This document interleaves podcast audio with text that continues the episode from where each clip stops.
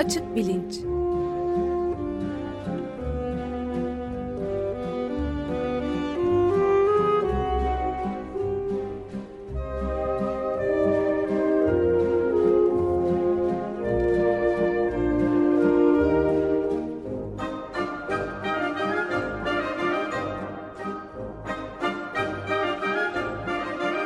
Güven Güzeldere ile bilim ve felsefe sohbetleri. Günaydın Güven Bey, merhabalar. Günaydın Ömer Bey. Günaydın Güven Bey, merhaba. Günaydın Can. Evet, bir konuğumuz var. İsterseniz siz e, takdim edin. Konukta demeye dilim varmıyor. Çünkü çok yakın destekçilerinden ve takipçilerinden biri radyomuzun. Evet, Profesör Meliha Korkmaz. Hoş geldin Meliha. Merhaba. Hoş geldiniz. Hoş geldiniz. Ben hemen hatırlatayım ee, ne yapıyoruz. 6 programlık bir alternatif tıp serisinin içindeyiz ve bu serinin 5. programındayız. E, alternatif tıp diyorum ama aslında bunu daha genel bir şemsiye terim gibi kullanıyorum. Alternatif, geleneksel ve tamamlayıcı tıp. E, üç birbirinden ayrı ama bağlantılı kavram. E, bunları aslında hatırlamak için e, ne olduklarını kısaca e, anlatarak başlayacağız. E, benim yapmaya çalıştığım bir genel e, çerçeve e, programının ardından Helsinki Üniversitesi'nden Çağrı Yalgın, e, ardından da Stanford Üniversitesi'nden Işıl Arıcan, e, ikisi de hekimdir, e, Meliha Korkmaz gibi. E, plasebo etkisi, alternatif ve geleneksel tıp e, ve homeopati konularını anlatmışlardı. Şimdi e, alternatif tıba e, hekim bakışıyla e, pratik, pratik e, olarak hastalarla e, e, bir araya gelen e, hekimlerin bakışıyla e, nasıl bakıldığını biraz anlamak. Bunun hem Türkiye'de hem e, dünyada e, tıp kurumlarının da ne şekilde yaklaştığını e, göz önüne alarak e, tartışmak ve e, tarihsel bir takım kişiliklerin e, alternatif tıp e, pratikleriyle e, ne şekilde yollarının kesişmiş olduğuna da e, değinmek amacıyla e, Profesör Melia Korkmaz e, sağ olsun ta Ankara'dan kalkıp e, stüdyoya kadar geldi konuğumuz olmak üzere. O kadar yüklü bir e, gündemimiz aslında var ki bir programa sığdıramayacağımıza karar verdik. Dolayısıyla gelecek hafta da Melia Korkmaz e, konuğumuz olacak. İki programa e, böldük içeriği. Ben kısaca tanıtayım. E, Sağlık Bilimleri Üniversitesi'nde nükleer tıp profesörü e, Melia Korkmaz. Kendisiyle benim çok eskiye giden e, orta öğrenimden Ankara Atatürk Anadolu Lisesi'nden e, arkadaşlığım var. E, yüksek öğrenimini Hacettepe Üniversitesi'nde yaptıktan sonra nükleer tıp klinik uzmanlığını Ankara Üniversitesi'nde tamamlıyor. Daha sonra postdoktora e, çalışmalarını ise e, Texas'taki ünlü MD Anderson e, kanser merkezinde e, yürütüyor. E, bu e, alternatif tıp serisi içinde aslında çok yetkin bir isim. Çünkü kendi çalışmaları içinde de geleneksel tıpla alakalı bir takım çalışmalar var. Vakit bulursak bunlara da değinmeyi e, umuyoruz. E, e, Texas'ta yaptığı çalışmalar neticesinde senesinde Hacettepe Üniversitesi Tıp Fakültesinden e, bilim ödülüne layık bulunduğunu söyleyeyim. E, Türkiye'nin ilk radyo farmasi uzmanı e, yüksek lisans ve doktora öğrencileri yetiştiriyor yıllardır.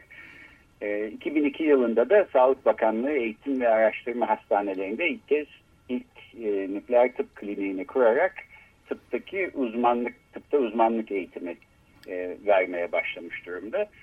E, Meliha yeniden e, teşekkür ediyoruz geldiğin için. Hoş geldin. E, konuşmak istediğimiz konuları başlıklar altında toplamıştık. E, bugün e, yetiştirebildiğimiz ölçüde geleneksel alternatif ve tamamlayıcı tıp kavramlarıyla başlayıp e, bu tür tıp pratiklerinin e, Türkiye'deki durumuna bakalım. E, Türk Tabipler Birliği'nin görüşüne ve uzmanlık derneklerinin görüşlerine bakalım. Daha sonra da e, geleneksel alternatif ve tamamlayıcı tıpa hekim yaklaşımından söz edelim e, diye konuştuk. E, gelecek haftada e, bu tıp pratiklerinin etkinlik ve güvenilirlikleri üstüne ne biliyoruz? E, sporcularda e, yapılan e, son zamanlarda çok da revaçta olan bir takım uygulamalara bakalım. E, alternatif ve tamamlayıcı tıp e, uygulamaları çerçevesinde e, ayrıca geleneksel ve bitkisel tedaviye e, de e, biraz yaklaşalım diye e, konuşmuştuk.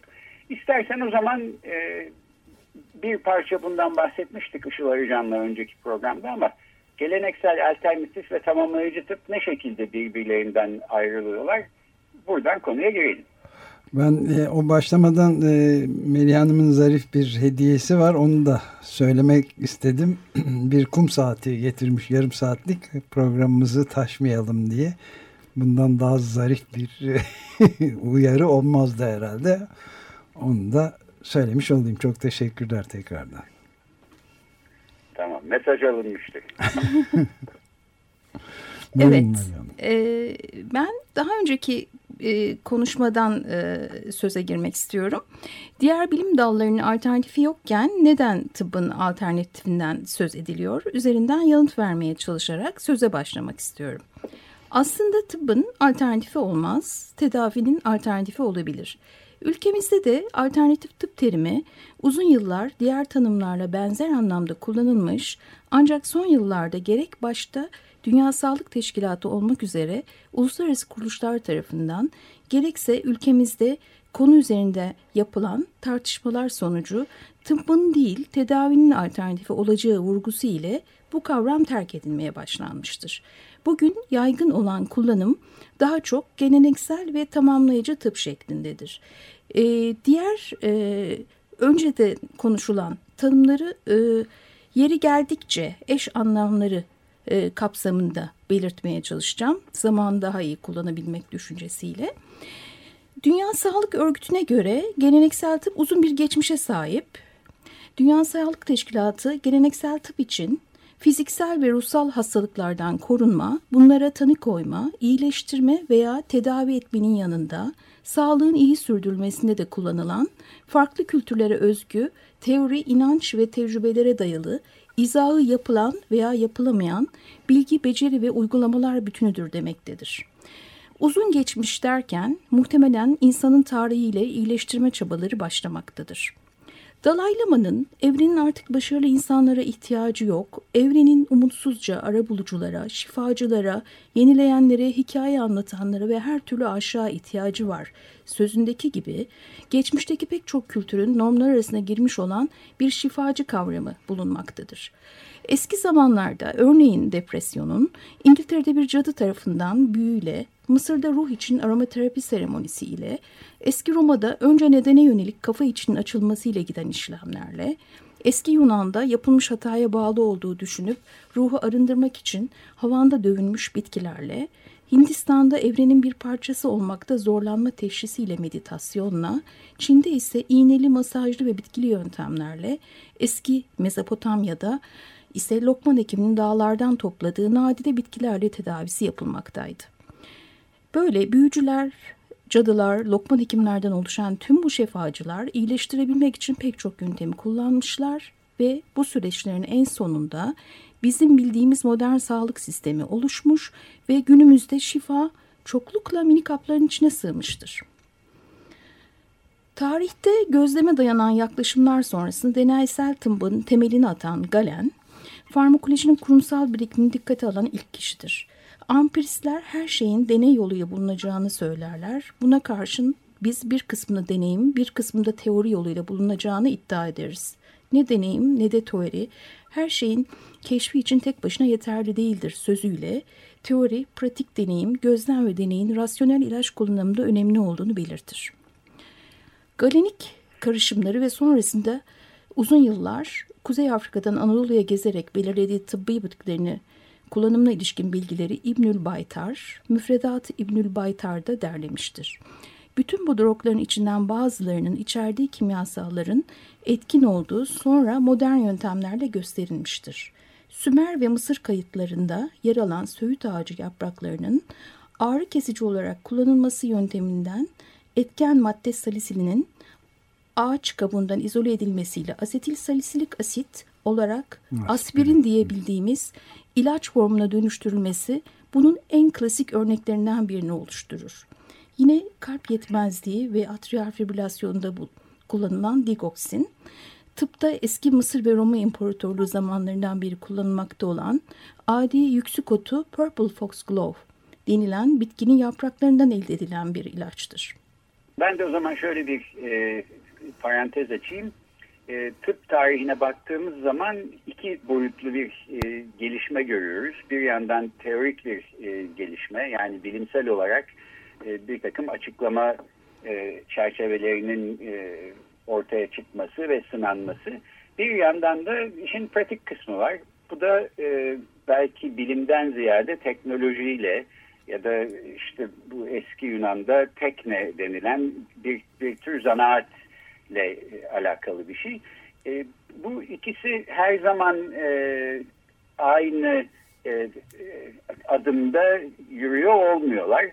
E, kadim e, geleneklere ve bunlardan e, toplanan bilgilere, pratiklere e, bugünün bilim anlayışıyla e, baktığımız zaman onların e, ne şekilde etkili ya da etkisiz olduğunu görmek belki eski zamanlarda mümkün olmayan e, şekilde e, anlamamızı mümkün kılıyor.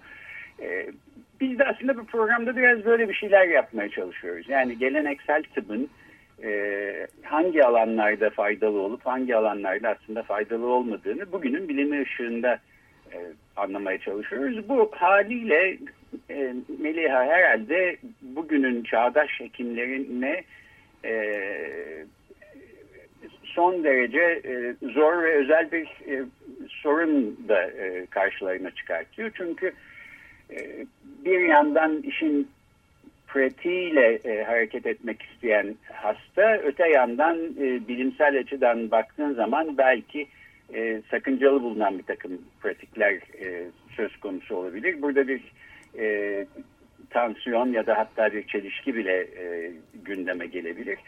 E, bu açıdan da yani senin dediğin gibi tıbbın alternatifi yok fakat belki bazı tıp pratiklerinin alternatifini düşünmek mümkün ama bu ikisi arasında da e, işin pratiğiyle teori arasındaki tansiyon e, ne şekilde çözümlenmeli? Burada da işte herhalde e, tıbbi kurumlara da önemli görevler düşüyor değil mi? Türk Tabipler Birliği e, ve diğer uzmanlık e, dernekleri bu konuda çalışmalar yapıyorlar. E, bir iki tane kongre olduğunu ben Türkiye'de biliyorum. Senin de bir hekim olarak bir hastayla karşılaştığın zaman başında e, olan problemlerden biri olsa gerek. Biraz bunlardan da bahsedebilir miyiz? Bir küçük e, soruda ben ilave edebilir miyim lütfen? Yani e, bu modern tıpla şifacılık, geleneksel şifacılık arasındaki çizgi tabii çok e, ince bir çizgi. Yani şimdi son bulgulara göre mesela Avustralya'daki aborijinlerin 80 bin küsur yıldan beri orada yerleşmiş oldukları ortaya çıktı. O tarihten beri onlar da tabii bir takım şifacı yöntemler kullanıyorlar. Burada modern tıp derken işte Sümerleri, aborjinleri ya da Hipokrates'i babası mı saymalıyız modernizmin İbn Sina'yı filan. Şimdi mesela çoktan gündemden geçmiş olan hacamat gibi şeylerin yeniden empoze edilmesi gibi günümüzde de saçmalıklar bence var. Yani nasıl bir çizgi çiziyorsunuz diye de küçük bir çok küçük ee, değil ama. Evet. Ee, peki Ömer Bey'in sorusundan başlayalım. Çok kesin net bir çizgi çizmek e, çok zor.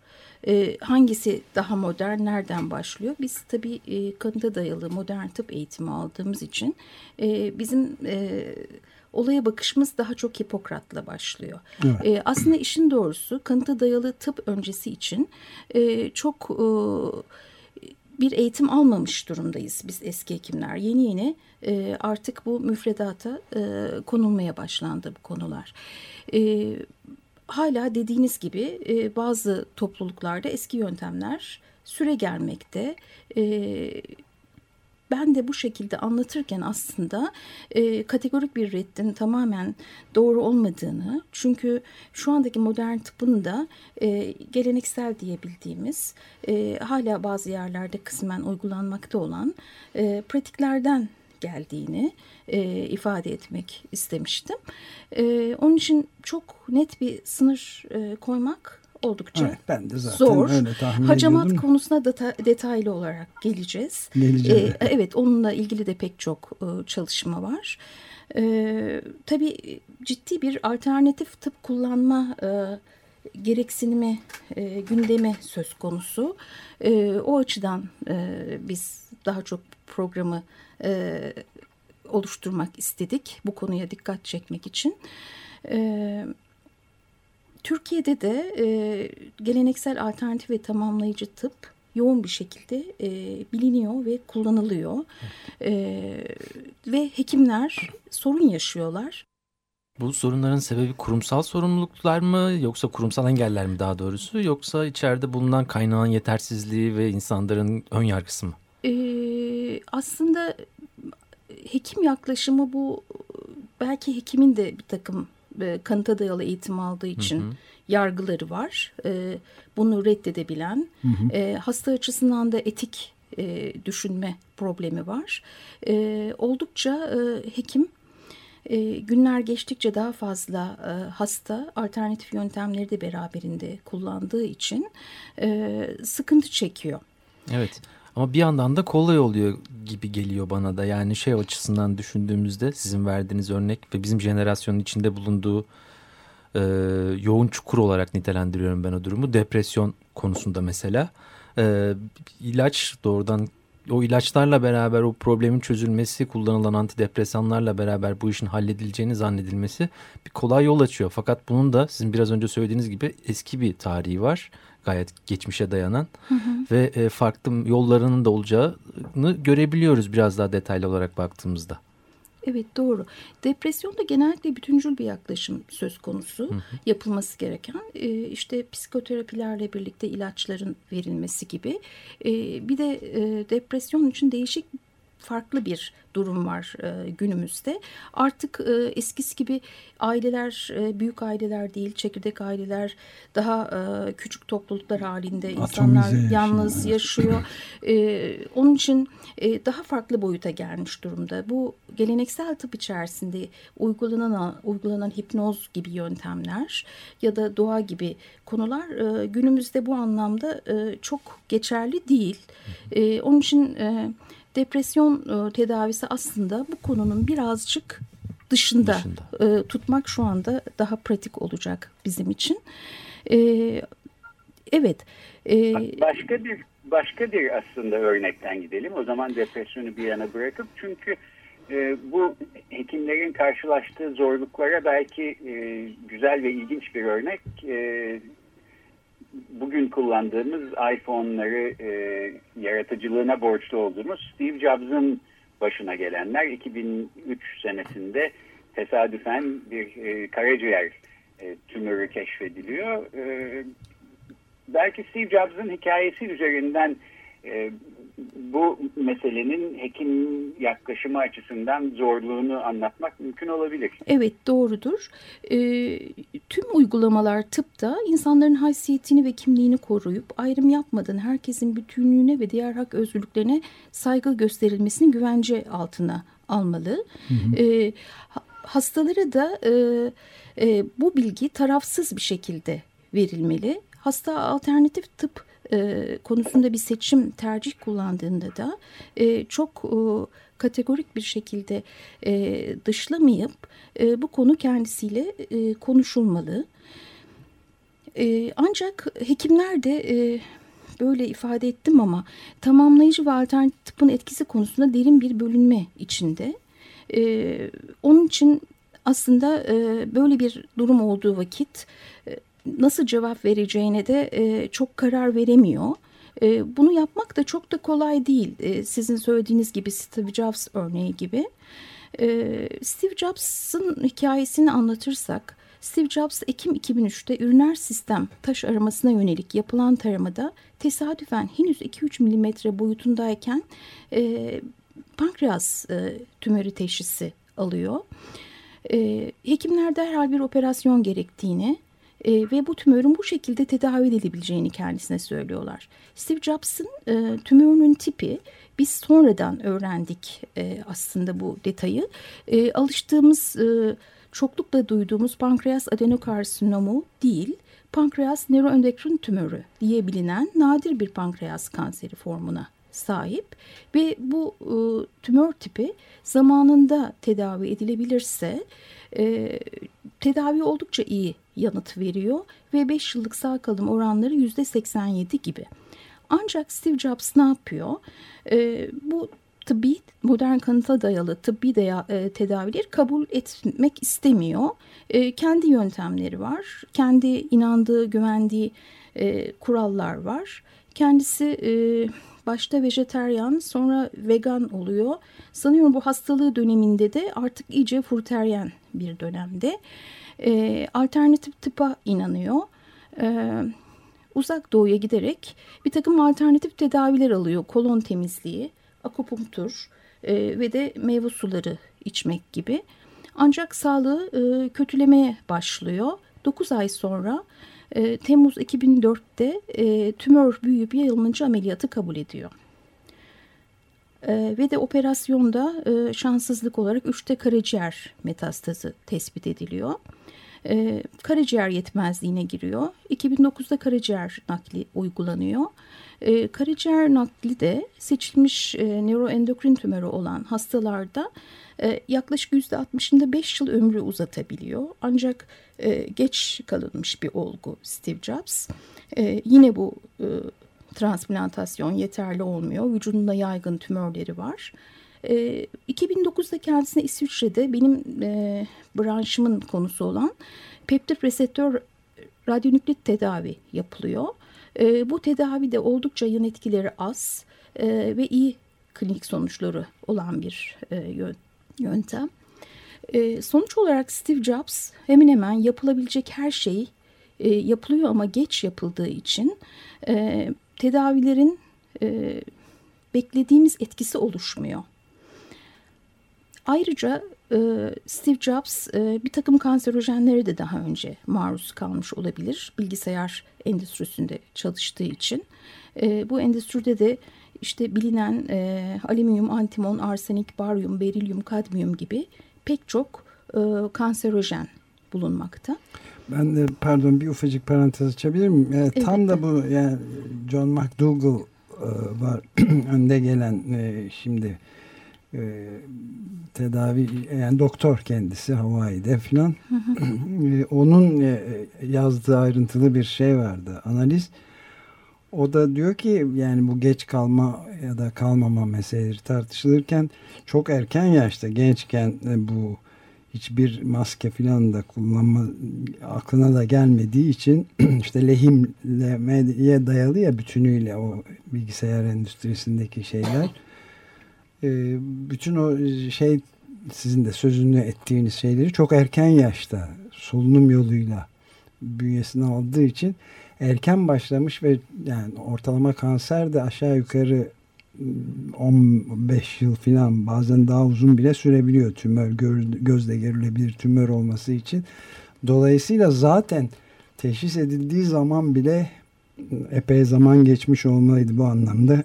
Geç denebilir mi bilmiyorum diye bir yazı yazmıştı. Evet. E, Steve Jobs'ın örneğinde birazcık farklı. Çünkü herhangi bir şikayeti yokken üriner sistem taş taramasına yönelik yani bir hmm. tomografi çekiliyor ve 2-3 milimlik bir tümör oldukça küçük bir tümör.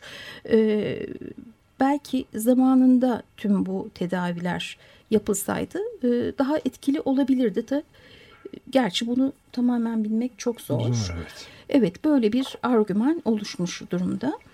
E, Temmuz 2011... Bu da aslında galiba bizi biraz işin etik e, kısmına da getiriyor. E, Avrupalı Hekimler Daimi Komitesi'nin de e, geleneksel alternatif tamamlayıcı tıp üstüne görüşleri e, bu etik soruyu da cevaplamaya çalışıyorlar. Çünkü hastaların e, çağdaş tıp tedavileri yerine belki tamamlayıcı olarak değil onların yerine Steve Jobs'ın e, vakasında olduğu gibi geleneksel tamamlayıcı ya da alternatif uygulamaları seçmeye yönlenmesi bilimsel tıbbi tanıların gecikmesine yol açabiliyor. Erken ölümlere yol açabiliyor. Steve Jobs belki e, daha uzun bir e, ömre sahip olabilirdi. Daha e, zamanlıca davransaydı.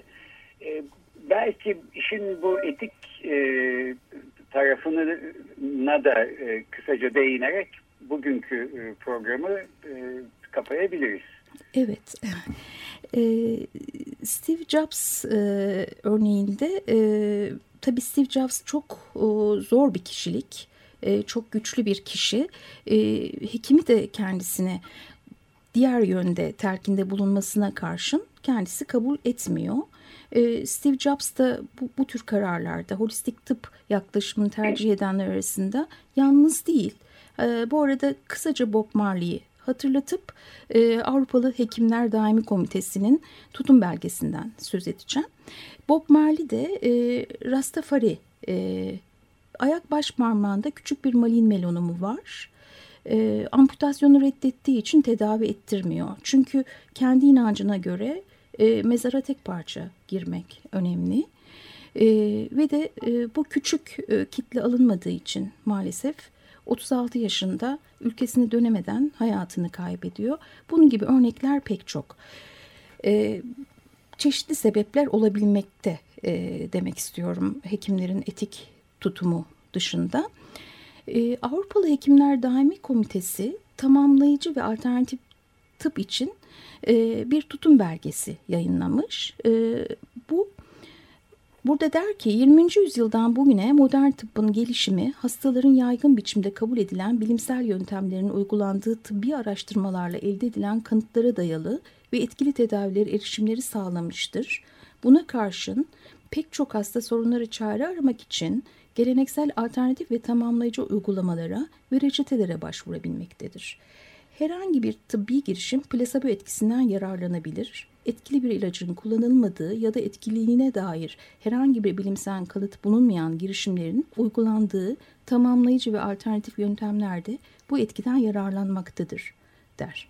Hekimler geleneksel tamamlayıcı ve alternatif uygulamaları da kullanmayı isteyen ve istemeyen hastalarla karşılaştıklarında onlara daima en iyi klinik sonucu sağlayan tedavi seçenekleri ve geleneksel tamamlayıcı ve alternatif uygulamaların riskleri hakkında aydınlatılmalıdır diyerek bitirir. E, daimi komitenin e, bir saptaması var. E, Avrupa Birliği'ne üye ülkelerde tıbbi uygulamalar, sağlık çalışanları, ilaçlar, tıbbi aygıtlar ve sağlık ürünlerine dair yasal düzenlemelerle güvence altına alınmışken pek çok Avrupa Birliği üye ülkesinde bu e, tamamlayıcı ve ya alternatif geleneksel uygulamalar için herhangi bir düzen, düzenleme bulunmamaktadır der. E, bu anlamda e, Türkiye'de e, gelişmekte olan bir düzenleme yapısı var. E, alanı kontrol altına almayı, geliştirmeyi ve de yeni araştırmalar e, yapılmasını öngören.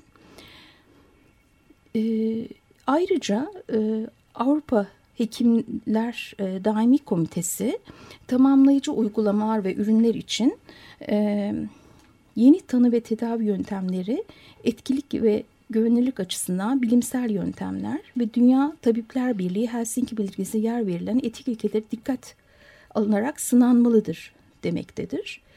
Dünya Tabipler Birliği Helsinki Bildirgesi'nde e, son e, düzenlemede 2013 yılında yeniden e, yenilenmiş halinde plasebo kullanımı ile ilgili yeni bir tıbbi girişimin yararları, riskleri, yükleri ve etkililiği bazı durumlar dışında kanıtlanmış en iyi yöntemle karşılaştırılarak denenmelidir demektedir.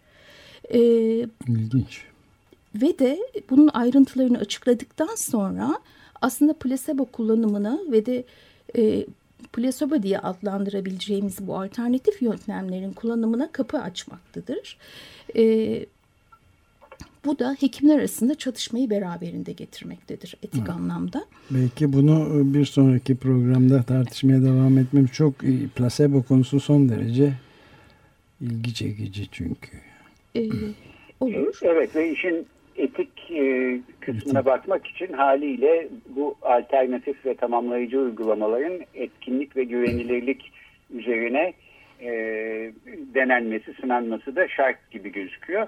Peki bunlardan e, gelecek hafta bahsetmek sözüyle o zaman bugün programı kapayalım. Profesör Melia Korkmaz e, konuğumuzdu. Alternatif tamamlayıcı geleneksel tıp serisinin son programında gelecek hafta e, yeniden bir arada olacağız. Çok teşekkür ederiz. Çok teşekkür ederiz.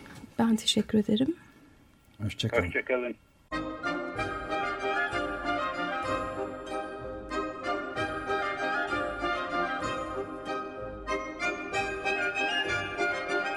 Açık Bilinç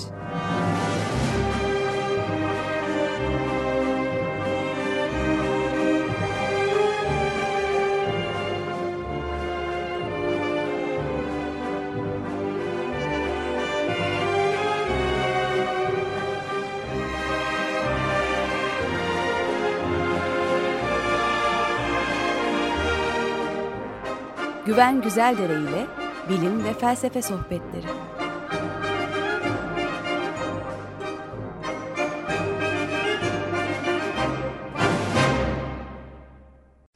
Açık Radyo program destekçisi olun. Bir veya daha fazla programa destek olmak için 212 alan koduyla 343 41 41